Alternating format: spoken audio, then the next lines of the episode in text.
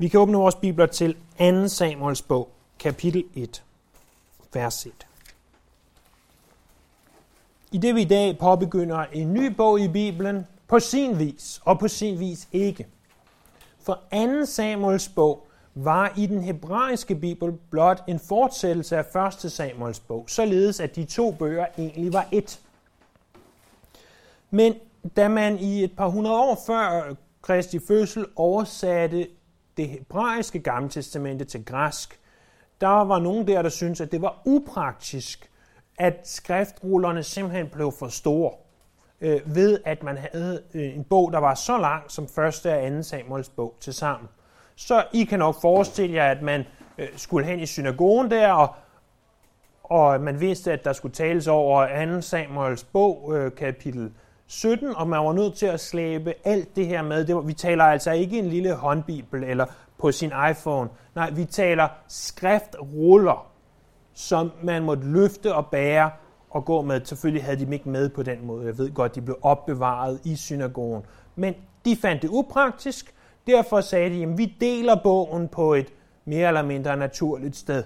Øh, I den hebraiske bibel øh, har man stadigvæk ikke i de øh, oversættelser, man man køber i dag delt bogen, der er det stadigvæk en bog, øh, som oftest. 2. Samuels bog kan inddeles i to.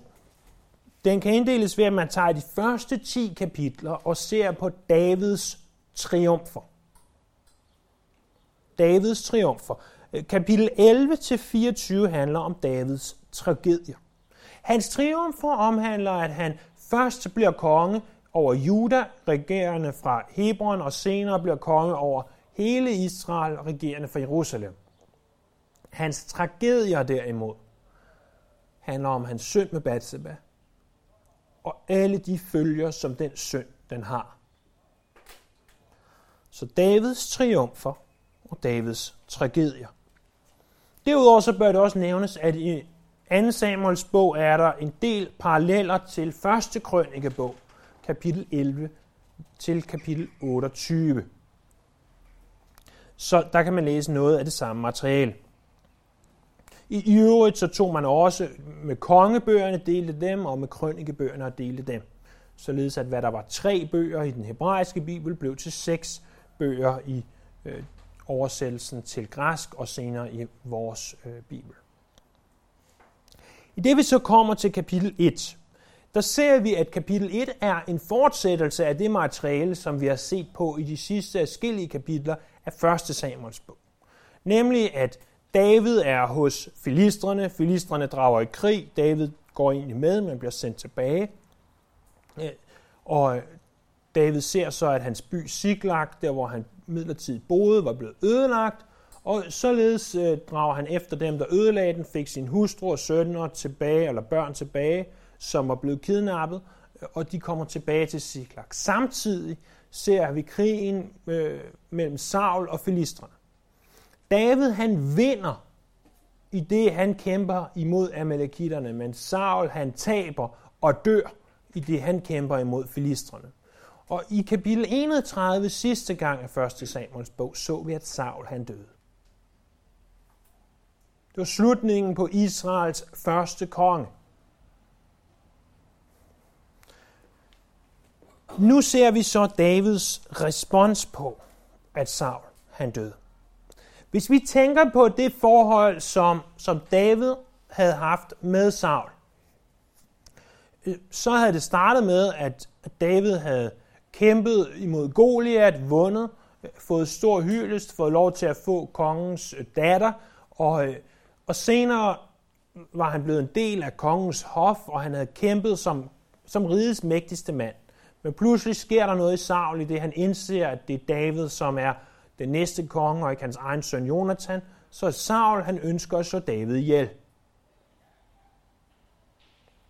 Og sådan går mange år, op mod 10 år af Davids liv, på at Saul han jagter ham.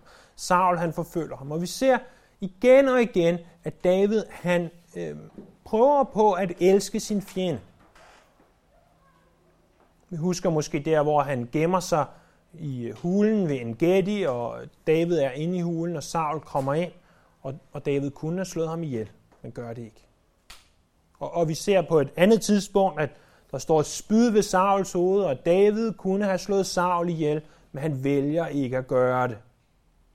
Vi ser, at han elsker sin fjende.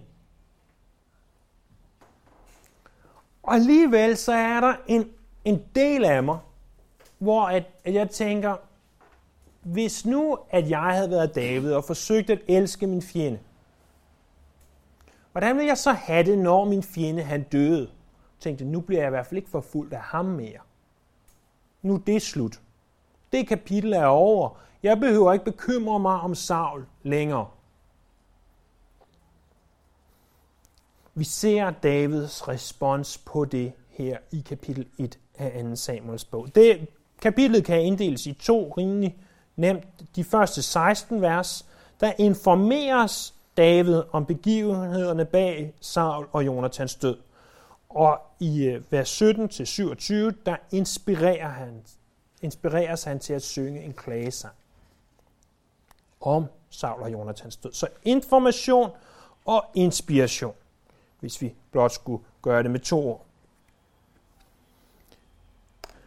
Vi læser i vers 1, at da Saul var død, og David var vendt tilbage fra sejren over Amalekitterne, og havde opholdt sig to dage i Siklag, kom der den tredje dag en mand fra Sauls her med flængede klæder og med jord strøget på hovedet. Da han kom hen til David, kastede han sig til jorden.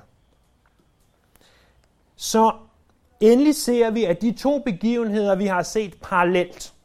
Så når jeg mener parallelt, så mener jeg, at hvis det havde været en film, så havde det foregået nogenlunde sådan her. At, at vi i en scene havde set David kæmpe imod amalekitterne, og så står der næsten samtidig et andet sted, eller i hvert fald så er det underforstået, at samtidig et andet sted, så sker der det, at Saul han kæmper imod filistrene. Så de to ting, de sker samtidig. Og, og vi så på den ene side, hvordan David han vendte sig til Gud, og han overgav sig til Gud igen efter et stykke tid, ikke at have vandret særligt tæt med Gud. Og vi ser, hvordan Saul i stedet vender sig til trolddom.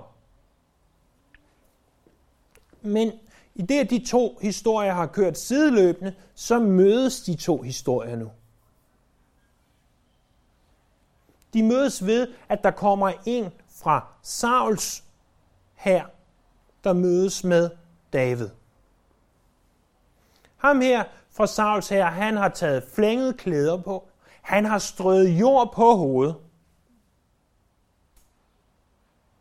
Og han kommer der til David. Hvorfor i alverden strøger man jord på hovedet?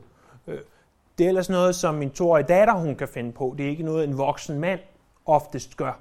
Men det var noget, man gjorde for at vise, at man sørgede over et eller andet. Der var sket noget, som ikke var i orden. Så han kommer til David, han kaster sig ned, og øh, han har vandret de 80 kilometer fra, fra Gilboa til Siklag, hvor David opholdt sig der i Siklag. Så står der videre i vers 3-5. Hvor kommer du fra, spurgte David, og han svarede, jeg er undsluppet fra Israels her. David sagde da til ham, fortæl mig, hvad der er sket. Han svarede, vores folk flygtede fra kampen, efter at mange var faldet. Saul og hans søn Jonathan er også døde. David spurgte da budbringeren, hvordan ved du, at Saul og hans søn Jonathan er død? Så David begynder altså at spørge om ham her, personen, om, om hans ærne, og han siger, jeg har været med israelitterne øh, og kæmpet imod filisterne, men Saul og Jonathan er døde, og David vil godt have underbygget, hvordan er du sikker på, at de er døde? Hvorfra ved du det? Og så ser vi videre. Budbringeren svarede, vers 6. Jeg var tilfældigvis på Gilboas bjerg, og der stod Stavl og støttede sig til sit spyd, mens vognene og rytterne trængte ind på ham. Han vendte sig om og fik øje på mig, og så råbte han på mig, og jeg svarede ja. Han spurgte, hvem jeg var, og jeg svarede, jeg var Amalekit. Så sagde han til mig, kom herhen og giv mig dødstød. Jeg er i live endnu, men det sortner for mine øjne.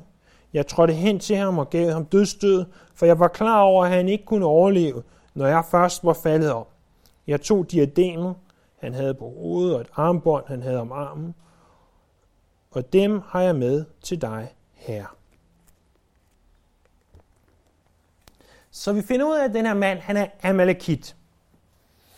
Men hvis du har læst kapitel 31 af 1. Samuels bog, så ved du også, at det, som ham her Amalekitten siger, det er ikke det samme, som det vi læser i 1. Samuels bog, kapitel 31. Ifølge 1. Samuel 31, der er begivenhederne nogenlunde sådan her, at øh, Saul bliver skudt af en pil. Han ved, at hans sønner er døde. Han siger til våbendrageren, slå mig ihjel, det siger våbendrageren, det vil jeg ikke. Så tager Saul et svær og, øh, og slår sig selv ihjel og dør. Og så det ser våbendrageren, så slår våbendrageren sig selv ihjel. End of story. Den her Amalekit, der nu kommer i kapitel 1, han kan have incitament til at lyve. Fordi han ved godt, at Saul og David var fjender, og hvis han kan sige, jeg har slået din fjende ihjel,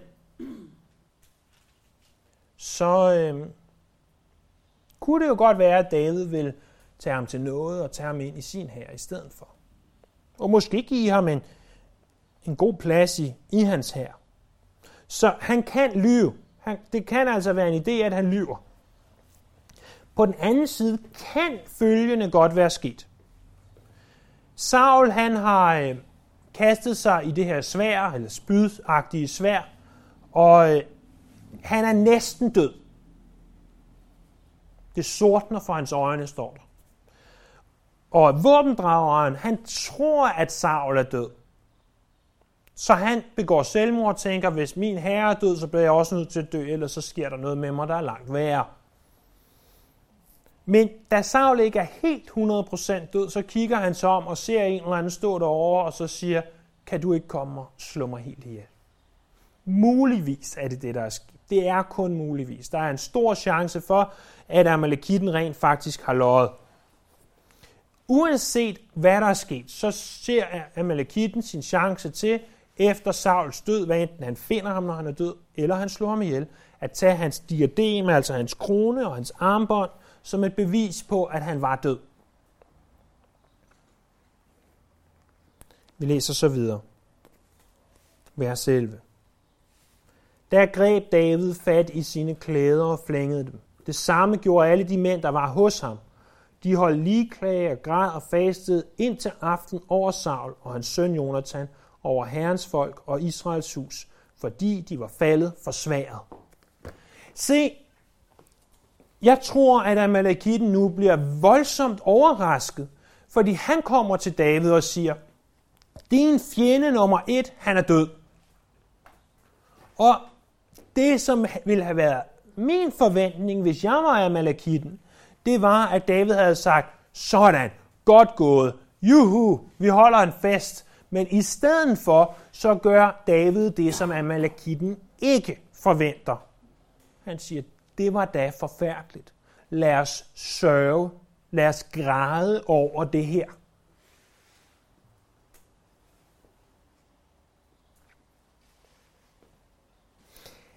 David han vælger at fralægge sig had, bitterhed og en utilgivende ånd. Det er et valg, når vi vælger at tilgive. Og så ser vi så, hvad der sker med den her budbringer. Den her opportunist. Ham her, som prøver på at tage chancen og sige, det kan være, at jeg kan få noget godt ud af at fortælle David, at Saul han er død. Der står, David spurgte budbringeren, hvor er du fra? Og han svarede, jeg er søn af en Amalekit, der bor her som fremmed. Der sagde David til ham, hvor vågede du at lægge hånd på herrens salvede og dræbe ham. Derfor kaldte han på en af sine unge mænd og sagde, kom herhen og hug ham ned. Så slog han ham ihjel, og David sagde til ham, dit blod kommer over dit eget hoved, for din egen mund vidnede imod dig, da du sagde, jeg har givet herrens salvede dødstød.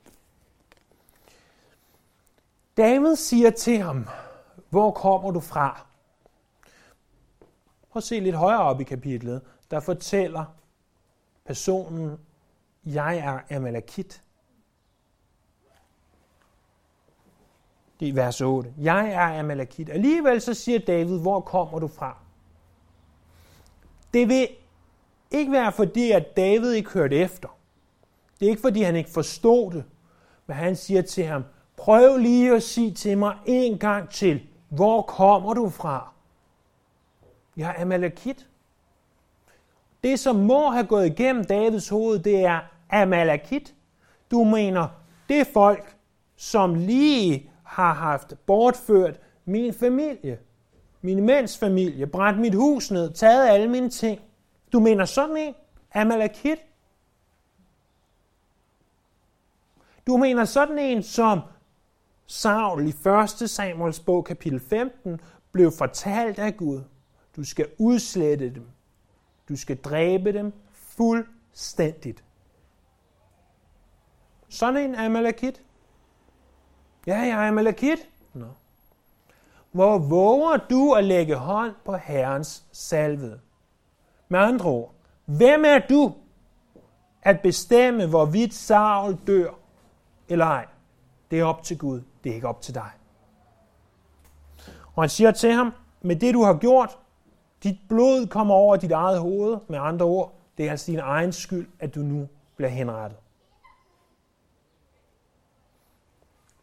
Så det her, det er det, som, som opsummerer den information, som David får, og hvad han gør med den information til at begynde med. Han får altså at vide, Saul og Jonathan er døde. Han klager over det, han begræder det, og, og han sørger over det. Og han slår budbringeren ihjel, fordi han siger, at det var ikke dit lod i livet at slå Saul ihjel. Det kunne du ikke afgøre. Nu i vers 17, så inspireres han til at synge en sang. Det er ikke en sang på linje med det, som vi læser i salmerne. Når vi læser de sange, som David skrev i salmernes bog, så er der tale om Øh, salmer som en lovprisning til Herren. Men det her, det er en decideret klagesang. Øh, vi læser om den i vers 17 og 18, at da sang David denne dødsklage over Saul og hans søn Jonathan. Han sagde, at judæerne skulle lære buesangen, der står i de retskaffnes bog. Hvad i alverden betyder det? Det betyder noget i retning af, at han synger den her sang, hvor han klager over Saul og Jonathans død. Han kalder sangen for buesangen. Der hersker diskussion om præcis, hvad buesangen betyder men det er formodentlig blot titlen på den her sang. Så øh, vi kan ikke sige så meget andet end det. Men vi læser også, at den står i de retskaffenes bog. De fleste engelske bibler skriver ikke de retskaffenes bog, men The Book of Yashar. Det betyder noget i retning af det samme. Men det er et, det, vi kalder et ikke-kanonisk skrift, altså et skrift, der ikke hører til i Bibelen. Dem er der masser af. Der er masser af bøger øh, og skrifter, som der omtales i Bibelen, men som ikke nødvendigvis er en del af Bibelen. Den omtales også i Josva kapitel 10, vers 12 og 13. Her øh, udfra må vi konkludere, at det er sådan en slags samling af nationale digte. Så David siger, vi skriver den her sang, eller jeg skriver den her sang, jeg synes, at alle judæerne skal lære den, og vi skriver den ned i de retskaffenes bog, eller i The Book of Yashar, eller Yashar-bogen. Ifølge bibelkommentatorerne, der er døde for mange år siden, Kieler Delitzsch, så, øh, så skriver de, at den her buesang, den kan inddeles i tre strofer. Hver af de her strofer indledes med, ak, heltene er faldet. De strofer går fra vers 19 til 24 som den første. Her der priser og sørger David over de faldende, og beder andre gøre det samme. Så det er vers 19 til 24. Vers 25 og 26, der mindes David det venskab, han havde med de, som er faldende. Og i vers 27, der giver han et sidste suk over deres død. Lidt interessant, at hvis jeg skulle skrive en sang, Gud hjælpe det, så øh, vil jeg gøre det, jeg havde lært på bedste vis i folkeskolen, øh, når man skulle skrive en eller anden form for digt, jamen jeg vil sige fire linjer, eller tre eller fem linjer, noget i den stil. Det skulle der være i hvert vers eller strofe. Og øh, det skulle helst rime. Og, og så i det næste vers eller strofe, der skulle også være fem linjer, og fem linjer og fem linjer. Ellers vil jeg slet ikke kunne overskue. Sådan i vores vestlige tankegang er vi oprindeligt opdraget til at tænke. Men sådan var det ikke i jødisk tankegang. Der ser vi, at den første strofe, øh, den er væsentligt længere end den anden, og den anden er ja, dobbelt så lang som den sidste. Så man gik fra lang til kort til kortest i den her salme øh, sang.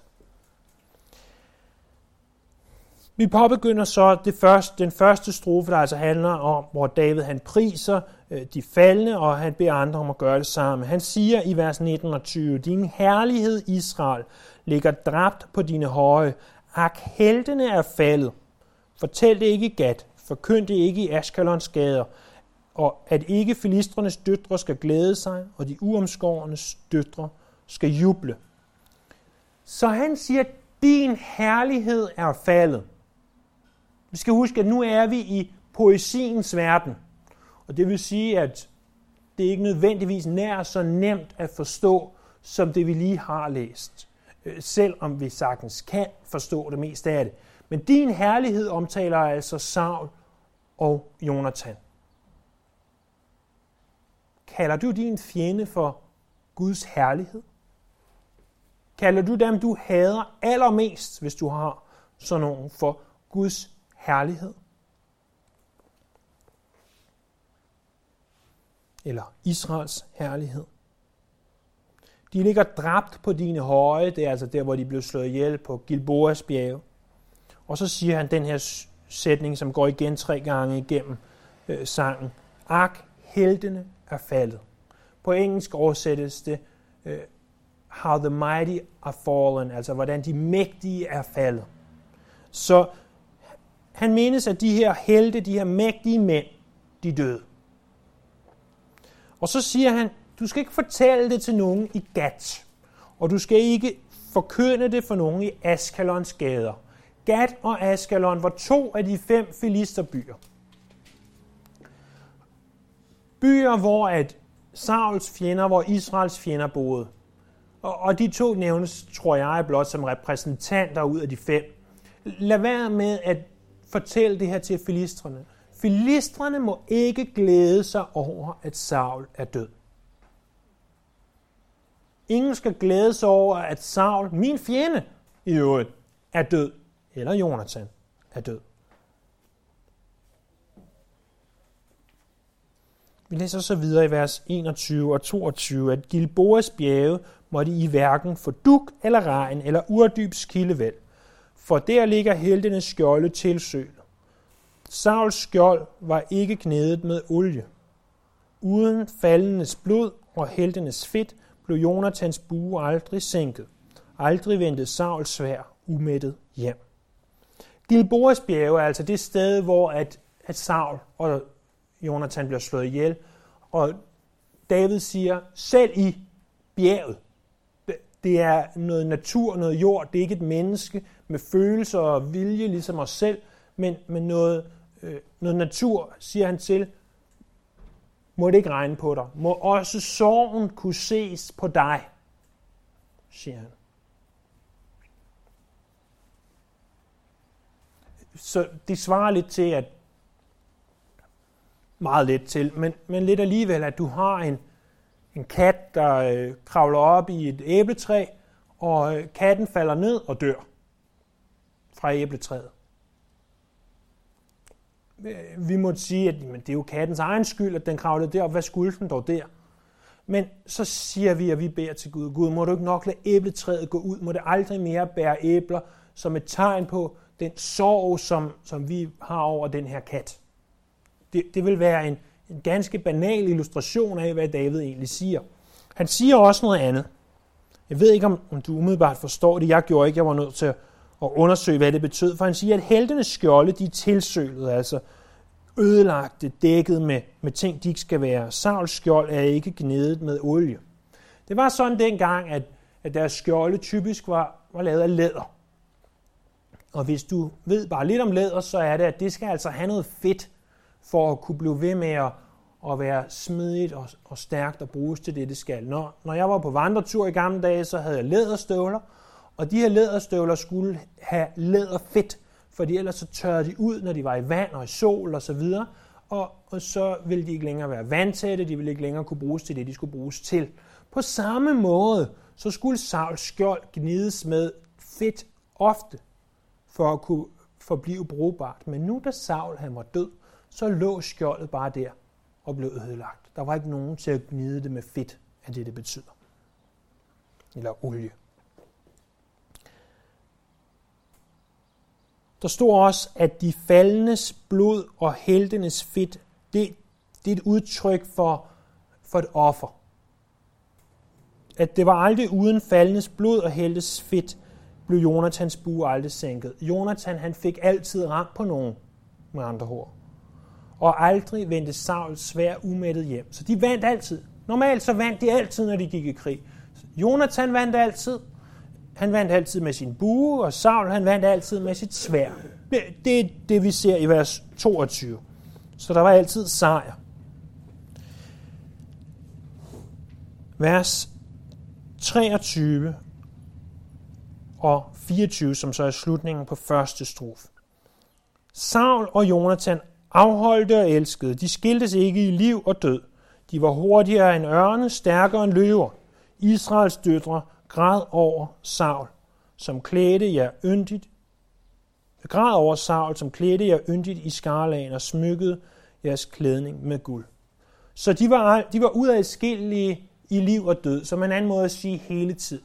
De stod ved hinandens side, de kæmpede, øh, og han siger, I må også græde jer døtre, jer i Israel, jer kvinder, som har fået alle de her ting af savt. Skarlagen var noget af det dyreste, man kunne få. Guld er selvfølgelig også øh, et tegn på noget ufatteligt øh, værdifuldt. Græd over dem. David kalder en vær til at græde. Prøv at se, hvordan han siger, en vær skal sørge. Jeg skal sørge. De skal ikke øh, glædes over det her i, hos filistrene. Bjergene skal sørge. Selv skjoldet sørger. Det kommer til at ligge der sørgeligt. Og, øh, og kvinderne i landet skal sørge. Jerusalem, eller Israels døtre, I må sørge. Den anden strofe, der hvor han husker sit venskab, den ser vi i vers 25 og 26. Ak, heltene er faldet i kampen. Jonathan ligger dræbt for dine, på dine høje. Jeg sørger over dig, Jonathan, min broder. Jeg har holdt inderligt af dig. Din kærlighed var mig mere dyrebar end kvinders. Så David han husker på det her venskab, han havde øh, i særdeleshed med Jonathan. Husk, Jonathan var hans bedste ven. Og men Jonathan var noget ældre end David, så var Jonathan øh, hans bedste ven. Og han siger, at de her helte, de, de mægtige, de er faldet i kampen. Jonathan ligger på højene og han sørger over ham, og han holdt inderligt af ham. Der står også, at din kærlighed var mig mere dyrbar end kvinders. Det er ikke en hentydning til noget som helst form for seksuelt. Bare så vi kan have det gjort klart. Den sidste strofe i vers 27 er blot, at ak, helten er faldet, krigsvåbne er til intet gjort. Krigsvåbne er ikke, at deres buer er knækket, og deres svær er slået om til øh, plovjern eller noget af den stil. Krigsvåbne er blot en anden måde at omtale Saul og Jonathan på. De var som et krigsvåben. De var som, som en bue i sig selv. De var som et svær i sig selv. De var nogen, der slog ihjel og dræbte, men de, der var krigsvåben, de er nu døde.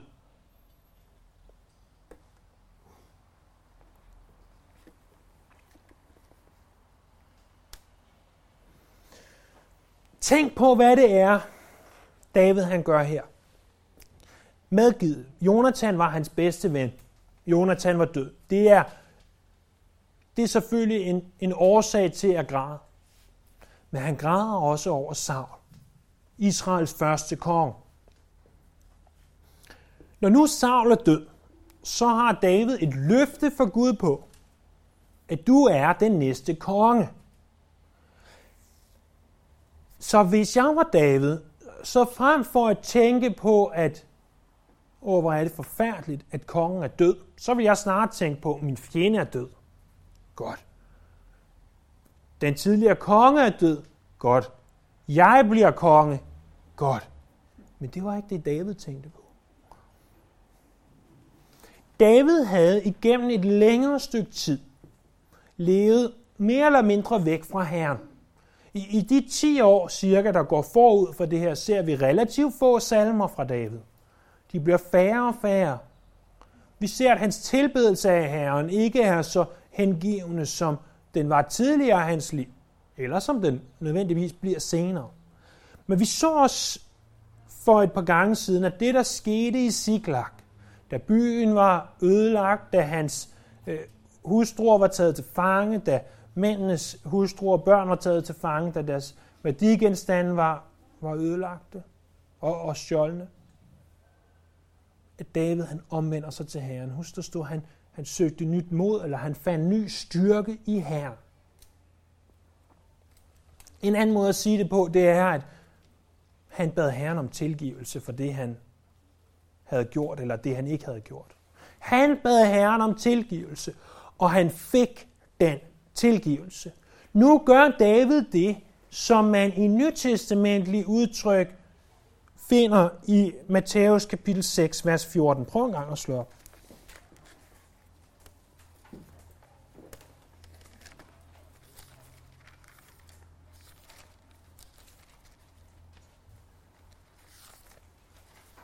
Matthæus kapitel 6, vers 14. De her vers, de kommer lige efter det, som vi kender som fader vor. Der står, for tilgiver I mennesker deres overtrædelser, vil jeres himmelske fader også tilgive jer. Men tilgiver I ikke mennesker, vil jeres fader heller ikke tilgive jeres overtrædelser. Tilgivelse. Vi har et behov for at tilgive. Det er nødvendigt at tilgive vores fjender. De mennesker, som, som hader os allermest. Og som vi måske af menneskelige, naturlige årsager hader allermest. Dem er vi kaldet til at tilgive. Hvad enten det er bølgen i skolegården, hvad enten det er ægtefælden, der ikke er, er til at stole på. Hvad enten det er veninden, der bagtaler.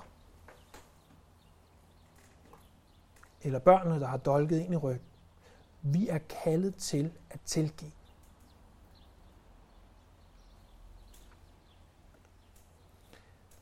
Det kan være ufattelig, ufattelig svært at tilgive. Ufattelig, ufattelig hårdt. Prøv at lytte en gang til et kapitel fra den her bog af Corrie ten Boom. Den hedder på dansk Globetrotter for Herren. På engelsk hedder den Tramp for the Lord. Corrie ten Boom sad under 2. verdenskrig i koncentrationslejr i Ravensbrück, og hun kom ud. Det gjorde hendes søster ikke. Hendes søster døde. Og i det hun kom ud og kom tilbage til civilisationen, begyndte hun at rejse rundt i verden og fortælle om Jesus. Prøv at lytte til et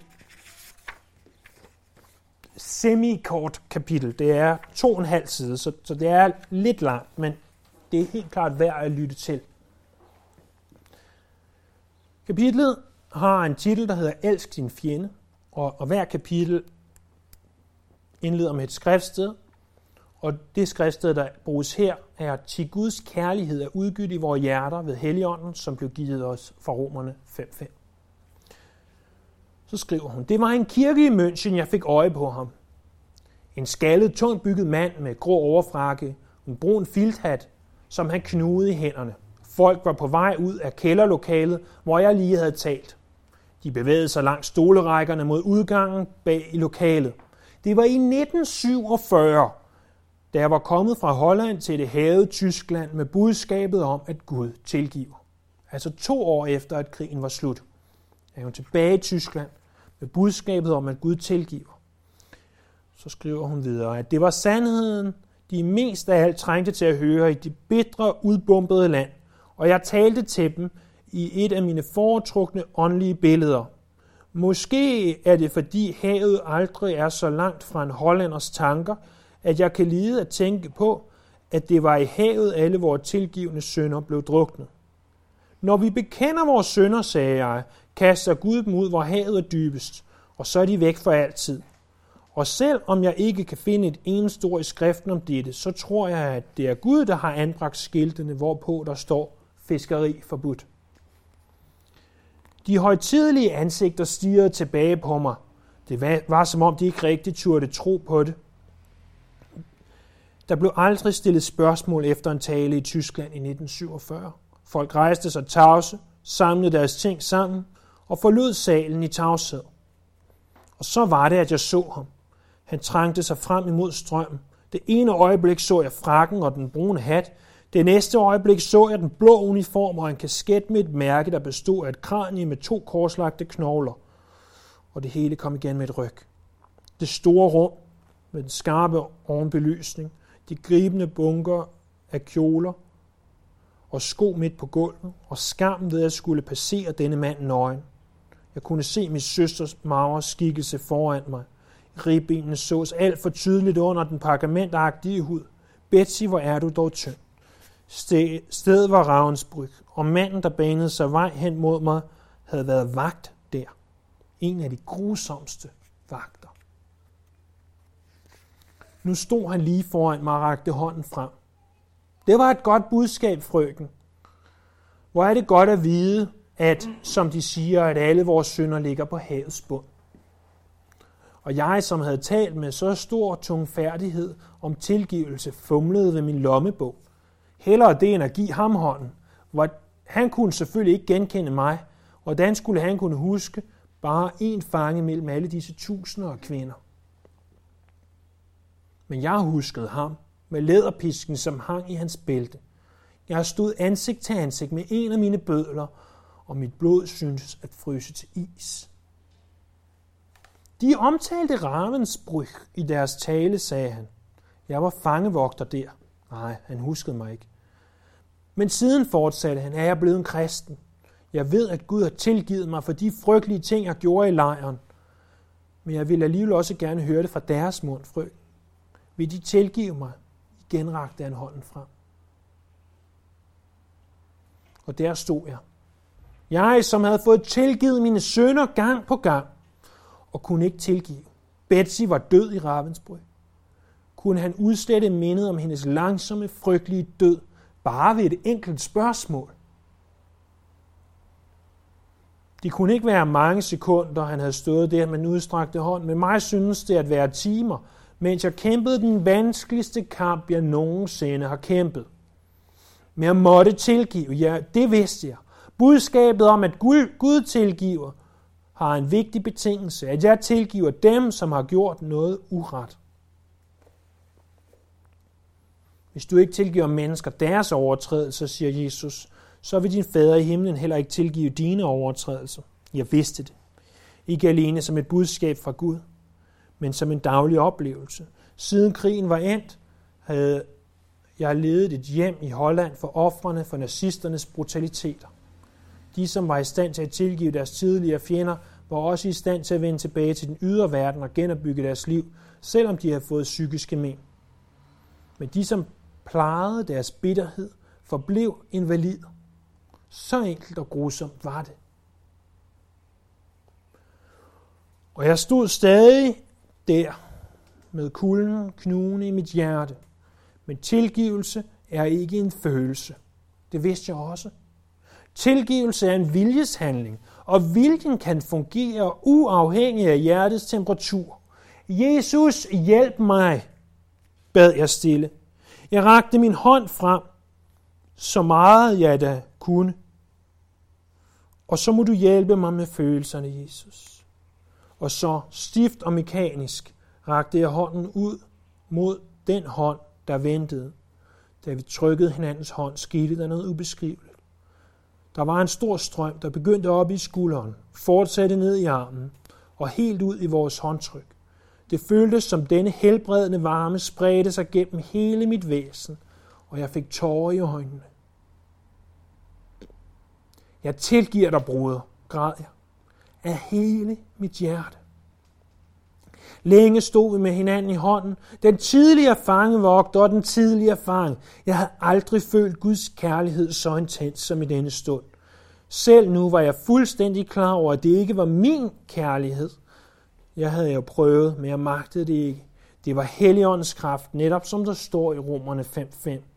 Til Guds kærlighed er udgydt i vores hjerter ved Helligånden, som blev givet os.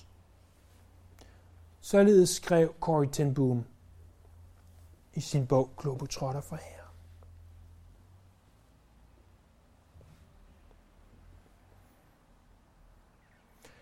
Er vi klar til at handle på Jesu ord? At række hånden ud, når den mest brutale fangevogter, vores fangevogter, vores savl, står foran os. Hvis vi ønsker tilgivelse fra Herren, så må vi strække vores hånd frem. Ikke i egen kraft, men på grund af den kærlighed, der er udgydt i vores hjerter. Det er det budskab, som Herren vil give os i dag igennem første kapitel af 2. Samuels bog. Tilgiv, så du kan få tilgivelse. Lad os bede sammen. Herre Jesus, når vi læser historien om David, når vi læser historien om Corrie ten Boom, når jeg læser det, så, så føles jeg med alt muligt, deriblandt skam over, at jeg indimellem har så svært ved at tilgive. Ikke engang fjender, men folk, jeg elsker. Herre, hjælp os til at tilgive som en respons på den tilgivelse, vi er givet. Åh Herre, vi tilbeder dig. Vi takker for din kærlighed, der er udgydt i vores hjerter. Vi priser dig herfor. Dit vidunderlige, fantastiske, utrolige navn.